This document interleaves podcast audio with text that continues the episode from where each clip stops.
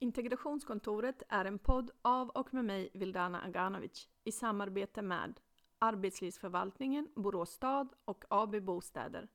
Podden spelas in på Brygghuset i Borås. Producent Samira Ismail.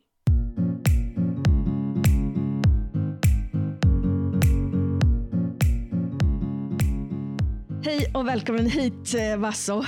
Tack! Vad roligt att ha dig här i min podd. Mm. Vem är Vasso? Oj, ja, vem är Vasso just nu, just här? Um, Vasso um, är en, eh, en, jag tänkte säga tjej, ja, men någon gång har vi... ni, typ, vi ja, är typ ju tjejor. Äldre, typ tjej. 40 plus tjej. Uh, född i Grekland, uppväxt i i Stockholm, flyttade till Borås när jag hade tagit studenten. Um, jag, är, jag har två söner och en bonusson.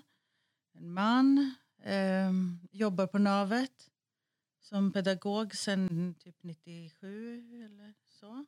Ja, 97. Um, ehm, ja. Sen nämner man ju jättemånga saker Mycket beroende mer. på vart man mm. befinner sig och i vilket sammanhang. Men det här kanske räcker.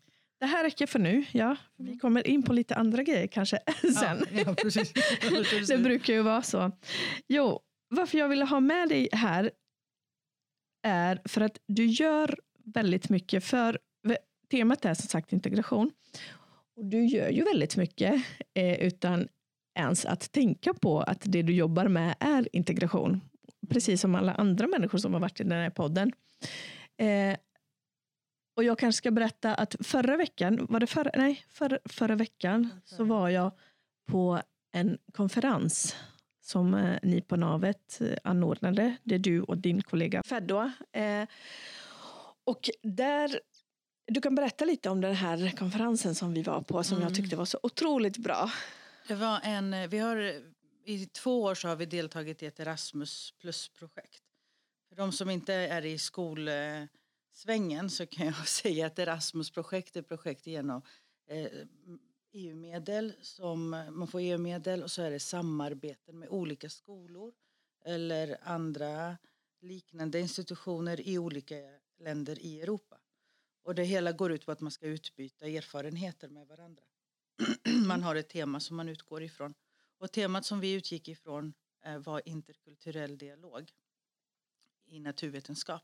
Mm kopplingen till naturvetenskap bara för att navet är ett science center. Liksom. Um, så att i två år har vi jobbat med det och så var det här avslutningskonferensen uh, här i Sverige. Mm, så då hade vi en presentation av vad vi har kommit fram till och vi hade också bjudit in intressanta föreläsare och hade diskussioner om saker som sker i stan mm.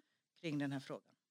Och jag var ju som sagt där och var det, det, är inte min första, självklart så, så, är det här ett ämne som, som jag mm. kan och är väldigt intresserad av men jag tyckte att det var otroligt bra och givande. Och det jag sa till dig efter det var att det är inte jag som ska sitta där och lyssna på det här, jag kan det. Mm. Utan det är alla som jobbar med människor på olika sätt, mm. speciellt de som sitter på chefsnivå. Nivå. Vi behöver människor som har en förståelse vad den, den här hur mycket den här dialogen betyder och hur, kan, hur bemöter man andra människor från andra kulturer och varför man ens ska tänka på det. Exakt. Det är ju alltid så. Och ibland så kan man tycka, eller kan jag själv ty tycka, orkar jag hålla på? För det är samma människor om och om igen som diskuterar de här frågorna och de som egentligen skulle man vilja vara med, det du, de du nämner, mm. är jättesvåra att ens få tag på. Varför Men tror du att det är så? Jag tror att det handlar om eh, det handlar inte om att folk inte vill. Man vill ju göra sitt bästa och man vill, eh, jag tror att alla vill att det ska liksom, eh, jag är en optimist. Mm. Jag tror att alla vill att det ska funka bra för alla människor som befinner sig i det här landet. Mm. Men okunskap skapar en rädsla. Och när man är rädd för att göra fel, då gör man hellre inte något. Ingenting. Eh, och det kan ju vara i handling, det kan också vara i ord. Att man är rädd att säga fel.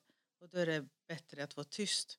Mm. Eller inte dyka upp så man inte råkar liksom hamna i en diskussion som man inte kan hantera. Så jag tror att det handlar om att vi måste sprida eh, vi måste fortsätta tjata, prata, prata, prata så som vi gör just Mm. nu kanske och på många andra, varenda forum som finns. Eh, Så att det inte blir, eh, så att det känns naturligt att prata om det till slut. Men det är också min, eh, min upplevelse och min... Att det, det är också varför jag började jobba med den här podden. För jag vill prata med människor som jobbar just med ja, integration på direkt eller indirekt sätt. Att alla vill, men vet inte vilken ände de ska Mm. börja. Eh, och det är därför jag, jag säger nu att det är otroligt viktigt när någon anordnar det här så som ni gjorde på, Mm. på, på Navet. Eh, att man faktiskt kommer dit. Mm, man kan passa på. Man kan passa på och bara Ja, ta till sig det här. Ja. Att, för för det, det var en otroligt givande och bra dag tyckte jag. tack. Eh, och det gjorde ni verkligen jättebra. tack, tack. Eh, kommer det fler sådana där saker i Borås?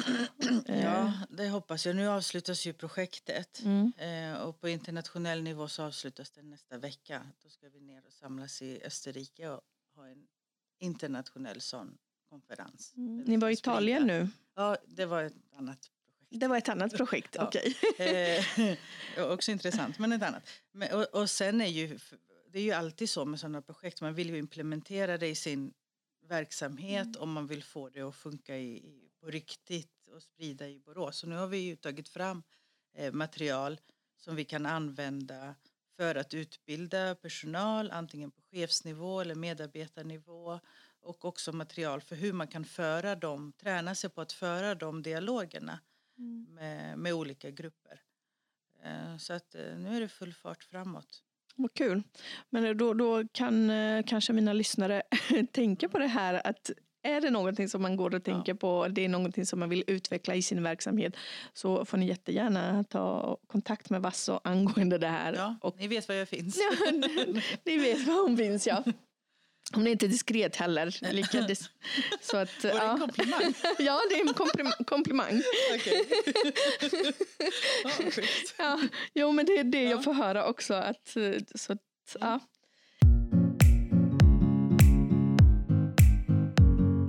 En annan sak som jag tänker, eh, när jag pratade med dig första gången, jag visste ju ingenting om dig självklart innan, innan, jag, innan jag träffade och så började vi prata lite. Så kom vi in på en sak som jag tycker är otroligt intressant och viktig, din bakgrund. Jag skulle vilja att du berättar lite om den, eh, så mycket som du känner Mm. Ja, själv, att du kan dela med ja, ja. varför det är så relevant Mm. också i den här frågan. Precis.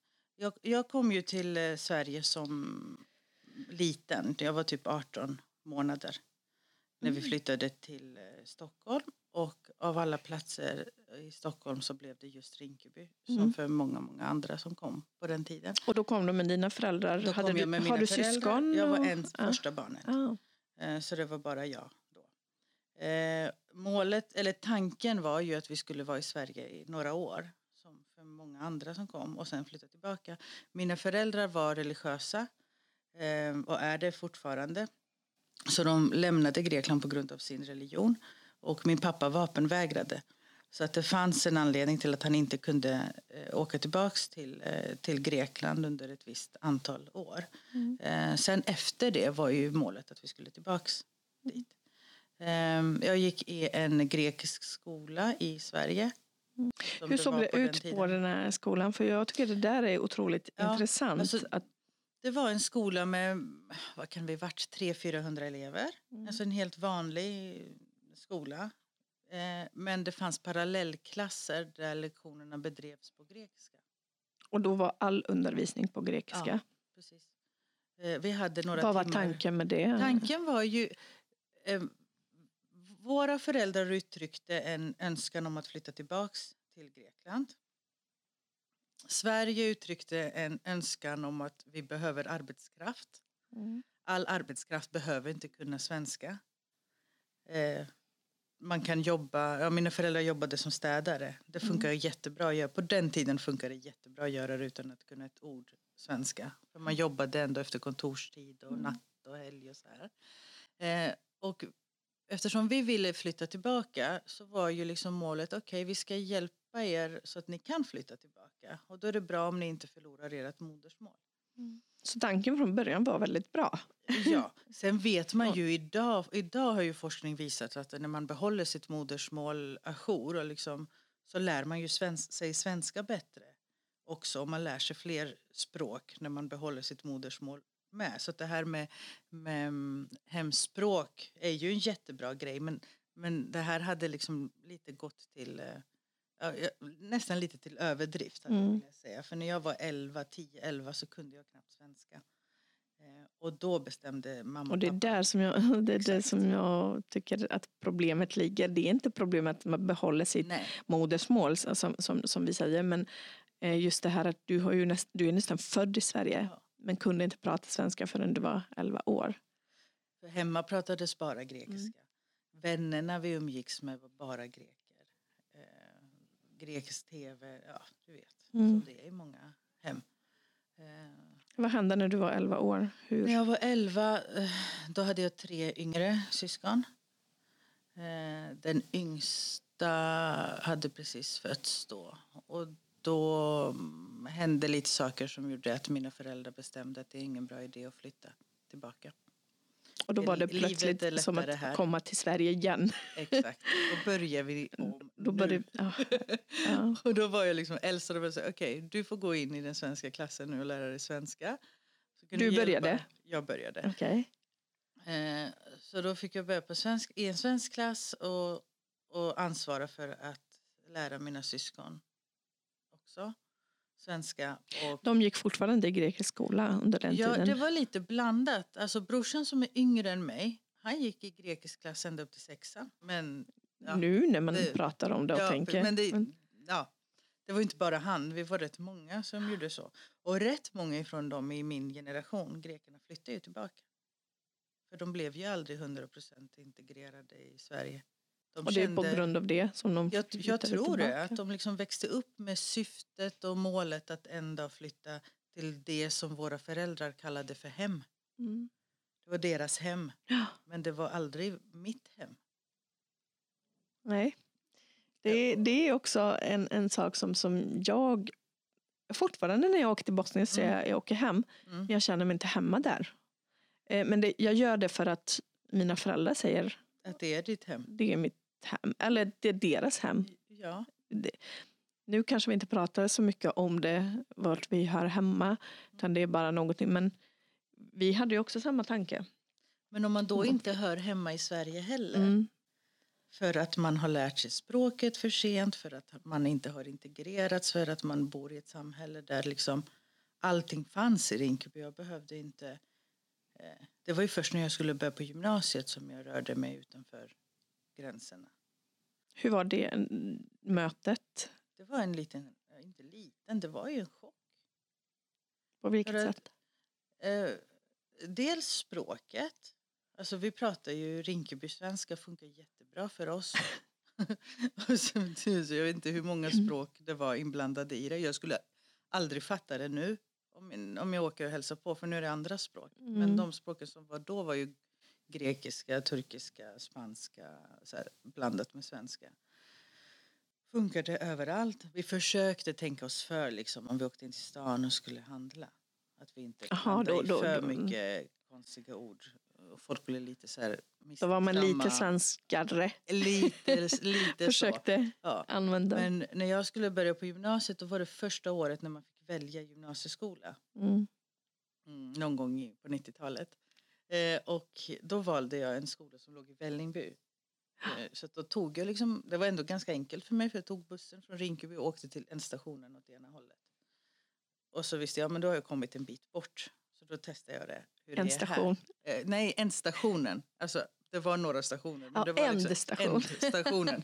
ja, precis, ändestation. En station, men ibland kan, kan den skillnaden ja, faktiskt. Mm, det hade varit Tensta i så fall. Ja.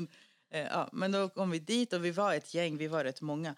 Vi som kom dit var inte förberedda på vad som, mm, skulle, vad som väntade oss.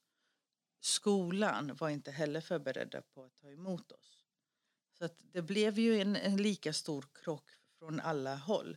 Dels hade vi en språk som var på ett annat sätt vi förstod det vi läste såklart. Vi var ju inte dumma i huvudet. Det var bara att svenskan vi använde inte lät som svenskan andra använde.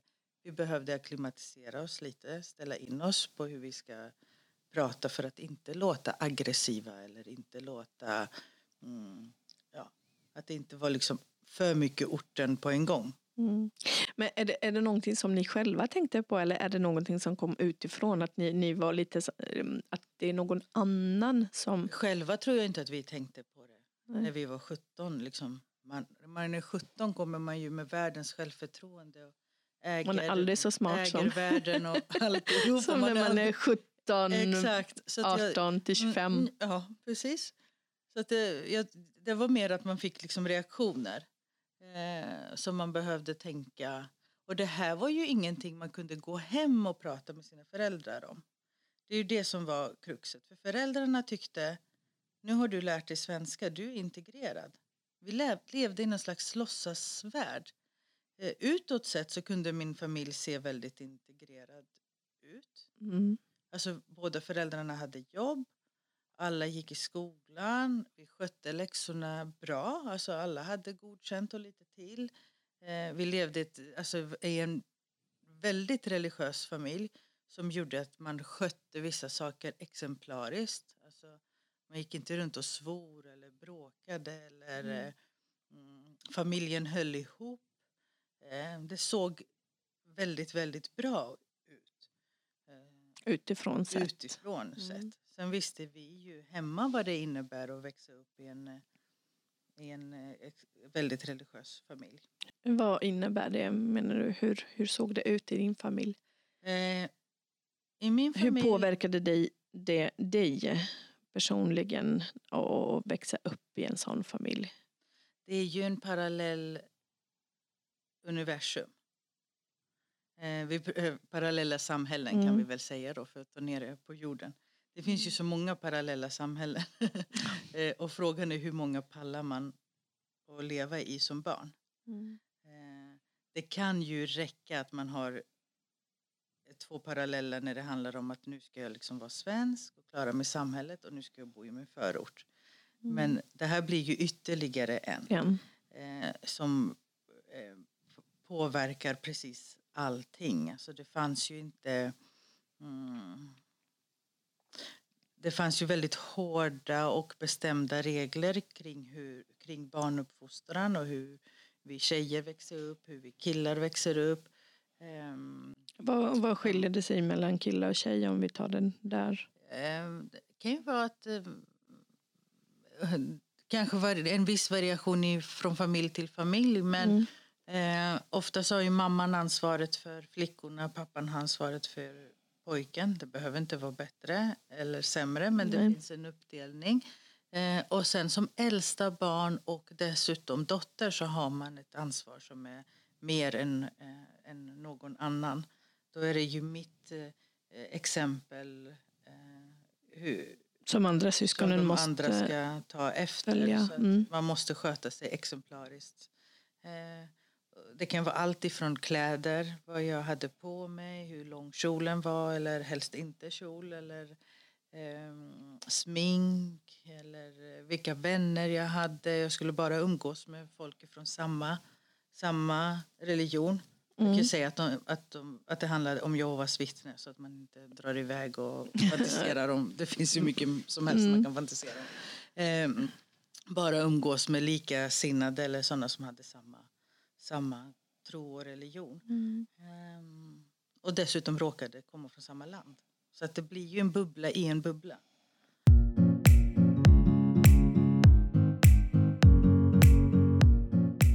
Det, det, det känns som att du, du, du växer ju i, i, upp i många sådana där bubblor. bubblor. eh, ja. Men det är också det som, som gör dig till den du är idag.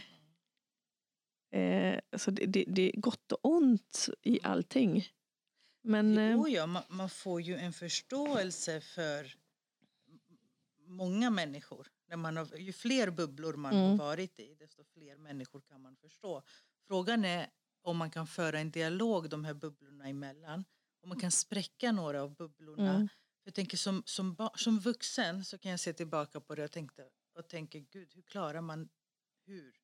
Klarade jag av så många bubblor på en gång med, utan att bli helt eh, trött på mm. livet.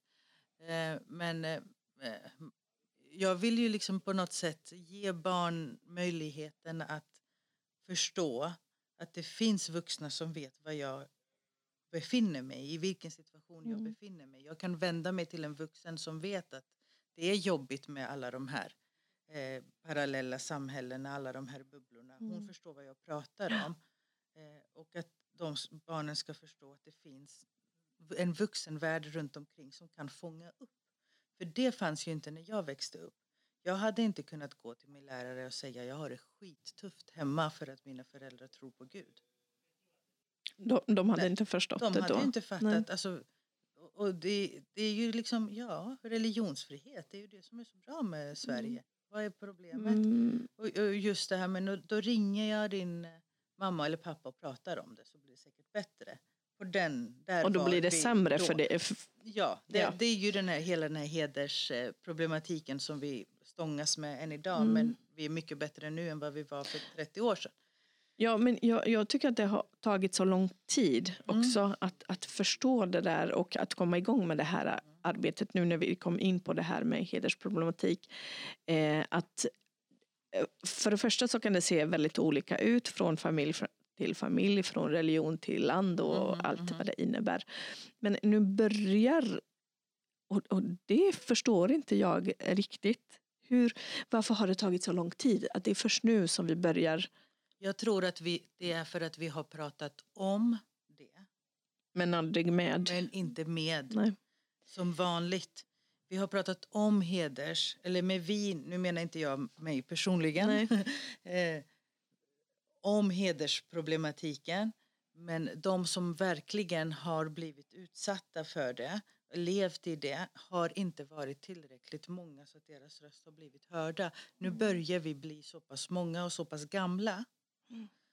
Så att vi vågar prata om det. Det händer någonting med mm. oss. Alltså, om du hade frågat mig för, för tio år sedan så hade jag varit tyst mm. om den här frågan. Då hade jag småbarn och jag hade, du vet, alltså man är... Eh, man måste passera vissa skeden, eller jag personligen mm. var tvungen att passera vissa skeden i livet för att inse att okej, okay, nu är jag där där det inte finns ett annat alternativ än att prata om det. Mm. För annars låter jag andra barn växa upp på ett sätt som jag hade kunnat göra någonting åt. Mm. Jag har kontakt med min um, lärare som jag hade på mellanstadiet, min första svenska lärare. Alltså inte svenska I... lektion utan hon var svenska. Eller hon I kanske Rinkeby. inte var svensk. Hon var från England. Oh, skitsamma, i Rinkeby. Mm. Jag har kontakt med henne så frågar jag henne nu i vuxen ålder. Mm. Men såg inte du hur jag mådde? Såg inte du att jag hade det skitjobbigt. Och det här är en jättejobbig fråga att få som lärare ja. 30 år senare. Men vi har så pass bra kontakt så att jag vågade ställa den. Det är också en intressant eh, fråga. Det är klart, lärare har så många förväntningar på sig men det är också en intressant fråga. Eh, ser de inte eller vågar de inte mm, mm. Ja. ingripa när de Exakt. ser? Och jag tror att lärare är så pass eh, professionella och kloka människor. Eh, hjärtat på rätt ställe när du jobbar med barn. Mm. Alltså jag kan inte ens tro någon, jag vill inte Nej, tro jag kan inte heller. annat. Men det svaret som jag fick av henne var att jo, jag såg. Men jag hade inga verktyg. Jag visste inte vad jag skulle göra av det. Mm. Det jag såg. För det hon sa själv, det att om jag hade hört av mig till, om jag hade sagt någonting till rektorn så hade rektorn hört av sig till dina föräldrar. Då hade dina föräldrar flyttat på dig. Du hade bytt skola. Mm. Och då hade jag tappat kontrollen helt och hållet. Hon ville ha mig nära sig i tre år. Mellan fyran och sexan, vilket hon hade. Mm. Och ha koll på mig. Så hon förstod och hon förstod, tog hand om hon, det på sitt sätt? Exakt. Mm. Och Eller om lite, dig? Hon tog hand om mig mm. på sitt sätt. Och, och jag kände mig omhändertagen. Mm. Men jag ville ändå veta, fanns det liksom inget...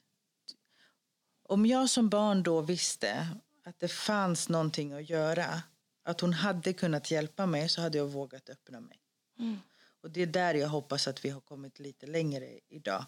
Att om barn vet att okej, okay, om du har det skittufft hemma, om det är på grund av religion eller heder, alltid komma eller ihåg andra att det är två saker. olika saker, mm. eller någonting annat, så kan jag vända mig till en vuxen och den vuxna vet vad den ska göra.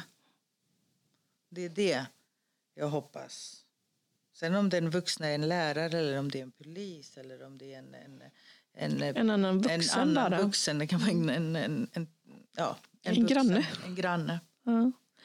Nej, men det är också min förhoppning någonstans att, att vi alla eh, som lever i det här samhället ska få upp ögonen för varandra och varandras utmaningar. Hur, hur vi lever och hur vi... För det, det, det kan vara som du säger allt från det här med hedersproblematik men också till kvinnor som blir slagna i sina hem. Att, eh, jag är alltid den som, som säger men ingrip, gör någonting, gör vad som helst bättre än att inte göra någonting. Medan på andra sidan så säger människor, jag vill inte blanda mig i. Av olika anledningar. Ibland är man rädd, ibland är man helt enkelt, ja men det rör inte mig, tycker man. Men det där, det rör inte mig, också en rädsla. Ja, ja det är det ju. Tänk, eh, vill jag tänka, annars blir det, jag vill tro det. Åter till det här med, du sa eh, att heder och religion är två olika saker. Eh, så tänker jag att just det här på senare år i alla fall pratas om hedersproblematik. Då pratar man ofta om islam och muslimer. Eh, och jag tycker det är viktigt och jag försöker lyfta det så, så mycket jag kan och, och med olika personer. att Vi får inte låsa oss vid, vid just det. För nu pratar du om din religion och att, och det är inte islam. Som, som, men, och, och det är av två anledningar. Det ena är att man stämplar ju en hel religion som, som eh, förtryckande mot kvinnan. Jättesvårt att föra en dialog sen. Ja, samtidigt som man missar alla de här andra som, som, som dig till exempel. Som inte kommer från en muslimsk familj. Man missar ju alla de här flickor och pojkar som, som utsätts eh, när man låser sig vid en religion. Jag, jag hade, när jag växte upp hade jag aldrig gjort kopplingen. Alltså, det är klart, växer man upp så där så har, jag har ju aldrig hört talas om heder när jag växte upp. Jag visste ju inte vad det var för något. Hedersproblematiken, för mig var det normalt. Mm. Man växer upp i det och så det tror man ju är det normala. Mm. Jag trodde det var så för alla barn När med upptäckte du... invandrarbakgrund. Ja. Jo, Men det var så när man växte upp. Jag, jag vet inte exakt när jag upptäckte kanske, det, kanske att jag upptäckte det på gymnasiet. När jag började möta fler barn som inte hade invandrarbakgrund. Mm.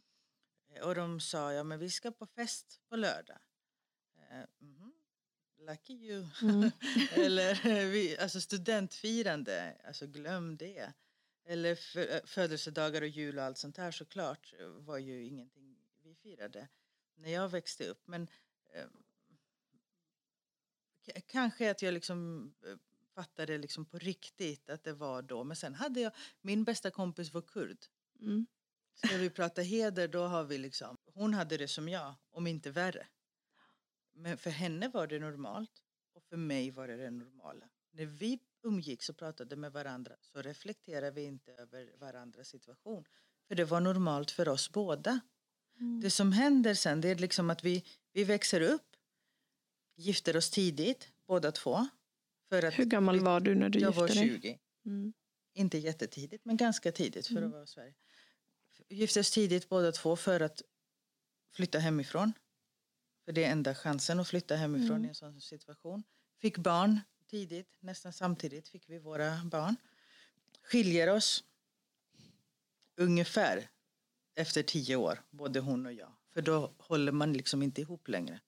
Då Mm. orkar inte kroppen eller hjärnan hålla ihop eh, hela konceptet. Då börjar vi prata med varandra på riktigt, hon och jag. Inte innan dess, inte under tiden ni var... vi träffades under tiden men vi vågade aldrig lyfta på locket utan vi bara körde på. Du vet barn, man, da, da, da, da, da. mamma, gamla pappa, vanliga. Bara köra, köra, köra så man slipper reflektera. Men när vi båda hade kraschat mer eller mindre samtidigt då var det som att man öppnade liksom Pandoras ask. Vad hände då? Eh, då insåg vi att vi hade växt upp på samma sätt. Fast förlåt. en i religionens namn och en i kulturens, mm, den, Mm. just den familjens namn. Eh, ingen, hade liksom, ingen var ju muslim, varken hon eller jag. Men vi hade haft det likadant. Vi insåg eh, att vi gifte oss tidigt för att komma undan. Vi insåg att vi fick, varför vi gjorde alla val vi gjorde i livet. Och eh, vi kom i kontakt med, med det här med hedersfrågan då. När vi började prata med, man började gå på terapi och man började prata med psykologer eller man började liksom forska själv. Vad är det alltså, så själva kom, kom vi i kontakt med det då och så insåg vi att okej, båda två. Det är det vi har det, vi, varit har- det är det vi har varit med om. därför. Ja. Vad gör vi nu liksom? Hur hanterar man det då? För jag tänker, Väldigt olika. ja. Eh, För, min, för du? min del, alltså, när jag insåg hela den eh, saken för lite över tio år sedan, då var jag ju tvungen att lämna alltihopa på riktigt. Alltså, för tio år sedan lämnade jag vittnena. mm. När jag insåg att det var den eh, gruppen eller den slags uppväxten som hade gjort eh, att, eh, ja, som hade orsakat att jag, det blev som det blev för mig. Så var jag tvungen att lämna. Så när, när man lämnar så lämnar man ju allt. Eh, Och man vet. man. Ja. Ja, och jag vet det. Det visste jag redan. Att nu kommer jag att bryta med alla. Och då betyder det att man tappar föräldrar, syskon, släktingar, alla vänner. Mm. Försvinner över, över en natt. Så att jag brukar tänka att när jag var 30 så var det som att flytta till ett nytt land. Men jag kunde språket och jag hade ett jobb. Mm. Men allt annat var nytt. Jag fick börja om från nytt. Och det är där jag tänker att när man väl bestämmer sig Mm. att bryta och, och man vet att nu är jag helt ensam. Mm. Det är då vi från samhällets sida måste vara beredda på att fånga upp. Ja. Men då måste Hur man ha en bra viss var vi? kunskap. Precis. Hur bra var vi på det då? Inte bra. Inte bra. Det- Det som var bra var ju att jag hade ett jobb så, att- gå till och det, hade, det blev min räddning. Att jag hade Bodde ett du här i Borås Ja, då? jag bodde här i Borås. Eh, och då fick jag liksom börja om och då flyttade jag till Norrby. Mm. Jag vet, det är Ja. inte många som flyttar till. Du är en av Det är dem. jag och du. Men det är, om man förstår hur jag har växt upp och hur, sån, hur jag har växt upp så var Norrby så nära rötterna det kan komma. Så Mm. lä- när Grekland inte är hemma, Sverige är, jag vet inte Vad var det Sverige är. då? Det representerade inte eh, mig just då. Nej. Eh, Det blev, eh, jag var tvungen att börja om någonstans där jag kände mig trygg. Och hur konstigt den kan låta för vissa så var Mm. Norrby min trygga plats. Jag hade inte bott där förut men det var någonting som gjorde att jag kände igen mig sen jag var liten. Det påminde väl mig Mm. om Rinkeby antar jag. Och jag hade hela tiden den, eftersom jag var helt ensam utan föräldrar och utan släktingar och inga så kände jag ändå på mig jag behöver många mammor. Mm. Jag Det tänkte här- precis komma dit. Att jag tror att det är den känslan man den. söker och man får Ja, på eh, sådana ställen som Och- och både att- Rinkeby och Norrby. Ja, det här att det behövs en hel by för att uppfostra ett barn det tror jag stenhårt på. Ja. Så att jag fick några extra mammor till mina barn under mina år där när jag behövde det som mest. Eh, Sen måste man, bor man, bor man i ett område med så mycket folk och så många olika kulturer och så många olika dialoger och diskussioner hela, hela tiden så måste man ha en aktiv roll som förälder. Mm. Man kan inte luta sig tillbaka hur mycket som helst, eh, anser jag. Nej. Eh, med, så att man behöver vara. Men det, för mig var det liksom det normala, det, det är klart. Så att, eh, men vården och, och eh, terapeuter och psykologer och så här, de vet ju inte riktigt. Det här är, de, hade in, de kunde inte ge mig eh, de rätta verktygen för att gå vidare. För det var väldigt nytt och Mm. annorlunda. Det är inte många som gör det jag har gjort. Men hur mycket bättre är det idag? Tycker du? När det det gäller förändrats? hedersfrågan Mm. så är det bättre. Det är mycket bättre. På vilket än vad det sätt? var. vi pratar mer om det. Vi har förstått att det inte är kopplat till en religion. Det, att det kan vara kopplat till en religion men det behöver Jag vet att när det gäller vittnena så har inte, pratas det inte så mycket öppet om det men min förhoppning är att det här ska öppna upp några ögon i alla fall. Um, skolpersonal utbildas, kommunanställda utbildas i den här frågan. Så jag tror att, eller jag vet att det har hänt Vi är på mycket. rätt väg. Vi är på rätt väg. Mm. Um, Men om jag får säga min önskan om just det här är att när vi, när vi pratar om det, det som du sa förut, så är det alldeles för sällan som sådana som du får föra den talan. För du pratar ju såklart bara utifrån dig själv. Men du öppnar upp för så många andra att börja prata också. Eh, och jag tycker att där är vi väldigt dåliga ibland från samhällets sida att ta vara på just, just det när någon eh, öppnar upp. Att ja, men, ta, att vi tar vara på dina erfarenheter. Det är du som är experten på det här. Det är inte för att man har läst en bok. Som, utan det, är jättebra. Men jag tycker att just sådana här möten. och det krävs ju personer som du för att sådana möten ska kunna ske. För jag kan ju känna mig beredd Men ingen tar... men jag måste ha en mottagare precis. som, som får mig att eh, slappna av och känna mig trygg. Men som jag också vet att eh, det här hamnar i ett relevant sammanhang. Mm. Jag pratar inte bara för att prata. Jag Nej. pratar när jag vet att det här kan göra skillnad. Och det som jag sa till dig förut, jag frågar inte bara för att, eh, för att gräva i ditt förflutna. Nej, det, bara för att, utan för att jag vet att det sitter ju där hur många flickor och pojkar som helst som behöver höra det här samtidigt som det också sitter människor på positioner som, som kan hjälpa de här pojkarna och flickorna. De behöver höra eh, både dig och mig och, och framförallt att upp, det här pratar jag om för att kunna öppna upp för fler att kunna ställa de här frågorna. Mm. Eh, och det som du säger, din lärare, hon såg men hon, visste inte. hon visste inte vad hon skulle göra av informationen. Jag tror att barnen kanske, jag är inte helt säker på att barn i skolan idag vet hur mycket deras lärare, vad mycket kunskap deras lärare har. Alltså om lärare har skick, gått på kurser, kommunens kurser för heder, eh, relaterad våld eller problematik. Det är inte säkert att barnen vet att lärarna kan allt det här. Nej. Alltså, Det måste förmedlas på till... något sätt så måste ju, mm, jag är inte helt säker. Sen är ju skolan och alla vi som jobbar med utbildningsfrågor på ett eller annat sätt en väg, kan, kan ju vara en frizon. Mm. Det kan ju vara en, en, en fristad för de här barnen. som Det är därför jag är så eh, glad över till exempel när jag träffade dig. Och det har säkert att göra med din erfarenhet, din bakgrund att göra. Men att, att vi pratar om just det här att många tjejer som kommer till sådana här, om det är läxhjälp eller vad det nu är.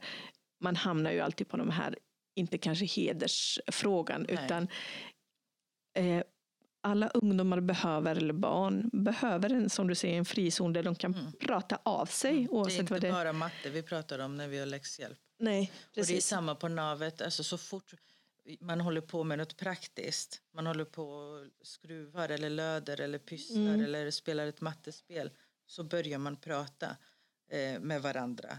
Och, och då måste man vara en vuxen som känner att okej, vi jag är här inte bara för att lära ut någonting. Jag är här som en medmänniska Mm. för att kunna ta en diskussion, en dialog.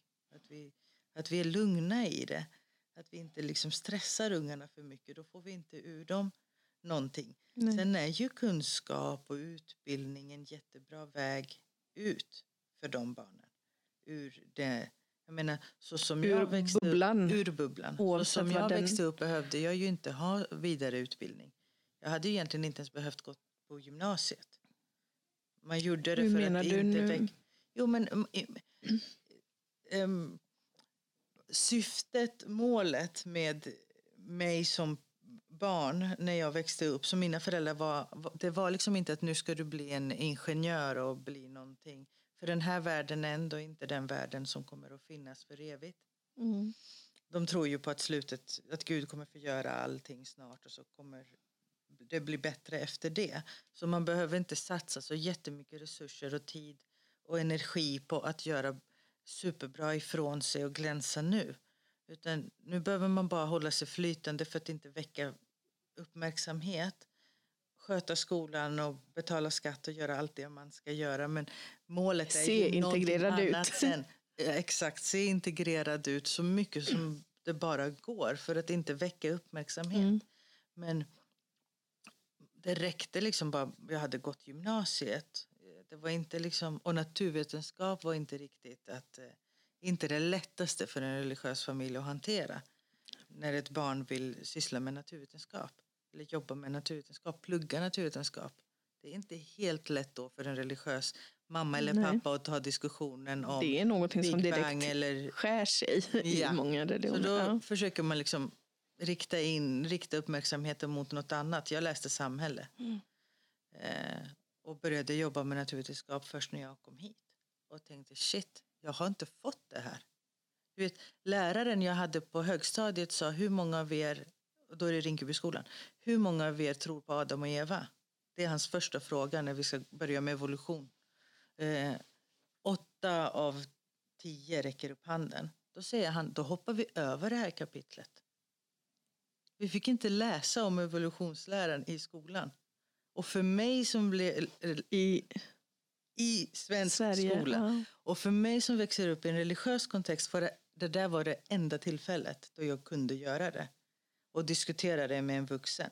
Han tog den rättigheten ifrån mig för han var inte beredd att ta dialogen med föräldrarna. Han, han visste att föräldrarna på nästa föräldramöte skulle komma med miljoner frågor. Och han var inte beredd att ta de, de diskussionerna. Pratar Så vi nu han- om den grekiska skolan Nej, eller den vanliga svenska skolan? på högstadiet. Han visste inte hur han ska, skulle hantera den frågan så han hoppade över den. Det var en lösning. Åh, Men herregud. när jag, när jag liksom ska börja jobba Jag, med jag det- sitter helt faktiskt chockad över Ja, det. det lite- och det är när du säger lite att det var annorlunda. din enda chans. Exakt. Och, och så kan det ju vara för många barn idag också. Mm. Man växer upp i ett väldigt religiöst hem så är liksom inte naturvetenskap det man pratar mest om. Och man behöver inte vara jätteintresserad av naturvetenskap men jag hävdar att det är en demokratisk rättighet att ha en viss grundkunskap så att man inte blir lurad. Mm. Så att man vet när det är fake news. Så att man vet vad Greta pratar om. Så att man vet vad Trump tjatar om. Man ska Och kunna Ha en, varför. ja, Att alla har en Exakt. agenda. Man Men i ha- skolan ska det, ska, ska det finnas det som Ja. du säger, en Ja. demokratisk rättighet att lära sig de här sakerna. Exakt. Och speciellt när man vet att här är det ett gäng barn som kanske inte får det. De Mm. sitter inte och pratar eh, vid matbordet om klimatförändringarna. alltså, då, då spelar skolan en annan roll. Eller ett ställe som Navet spelar en annan roll. Och det är därför jag väljer att vara på Navet i så många år. För jag tror att vi ändå har en, en, eh, en skyldighet att finnas sådana ställen som inte är skola, som är, kan vara neutrala platser eh, och förmedla kunskap på andra sätt. Också lära barnen att ifrågasätta saker som Ja. man blir serverad eh, från ja, föräldrar eller omgivningen eller vem det nu kan vara. Eh, det tycker jag är otroligt viktigt att barnen lär sig att vara ifrågasättande. Exakt. Att inte köpa allting. Mm. Ska vi göra så att vi avslutar med det här? Det var en bra uppmaning. Utnyttja, använd varandra. Mm. Ja, Nyttja varandra. ja utnyttja varandra. Fika mera, prata, prata, prata. Ja, det är vad vi ska göra nu. Vi Ja. ska fika. Det börjar kurra. Ja, du börjar kurra i magen. Tack så jättemycket Tack själv. för att du kom.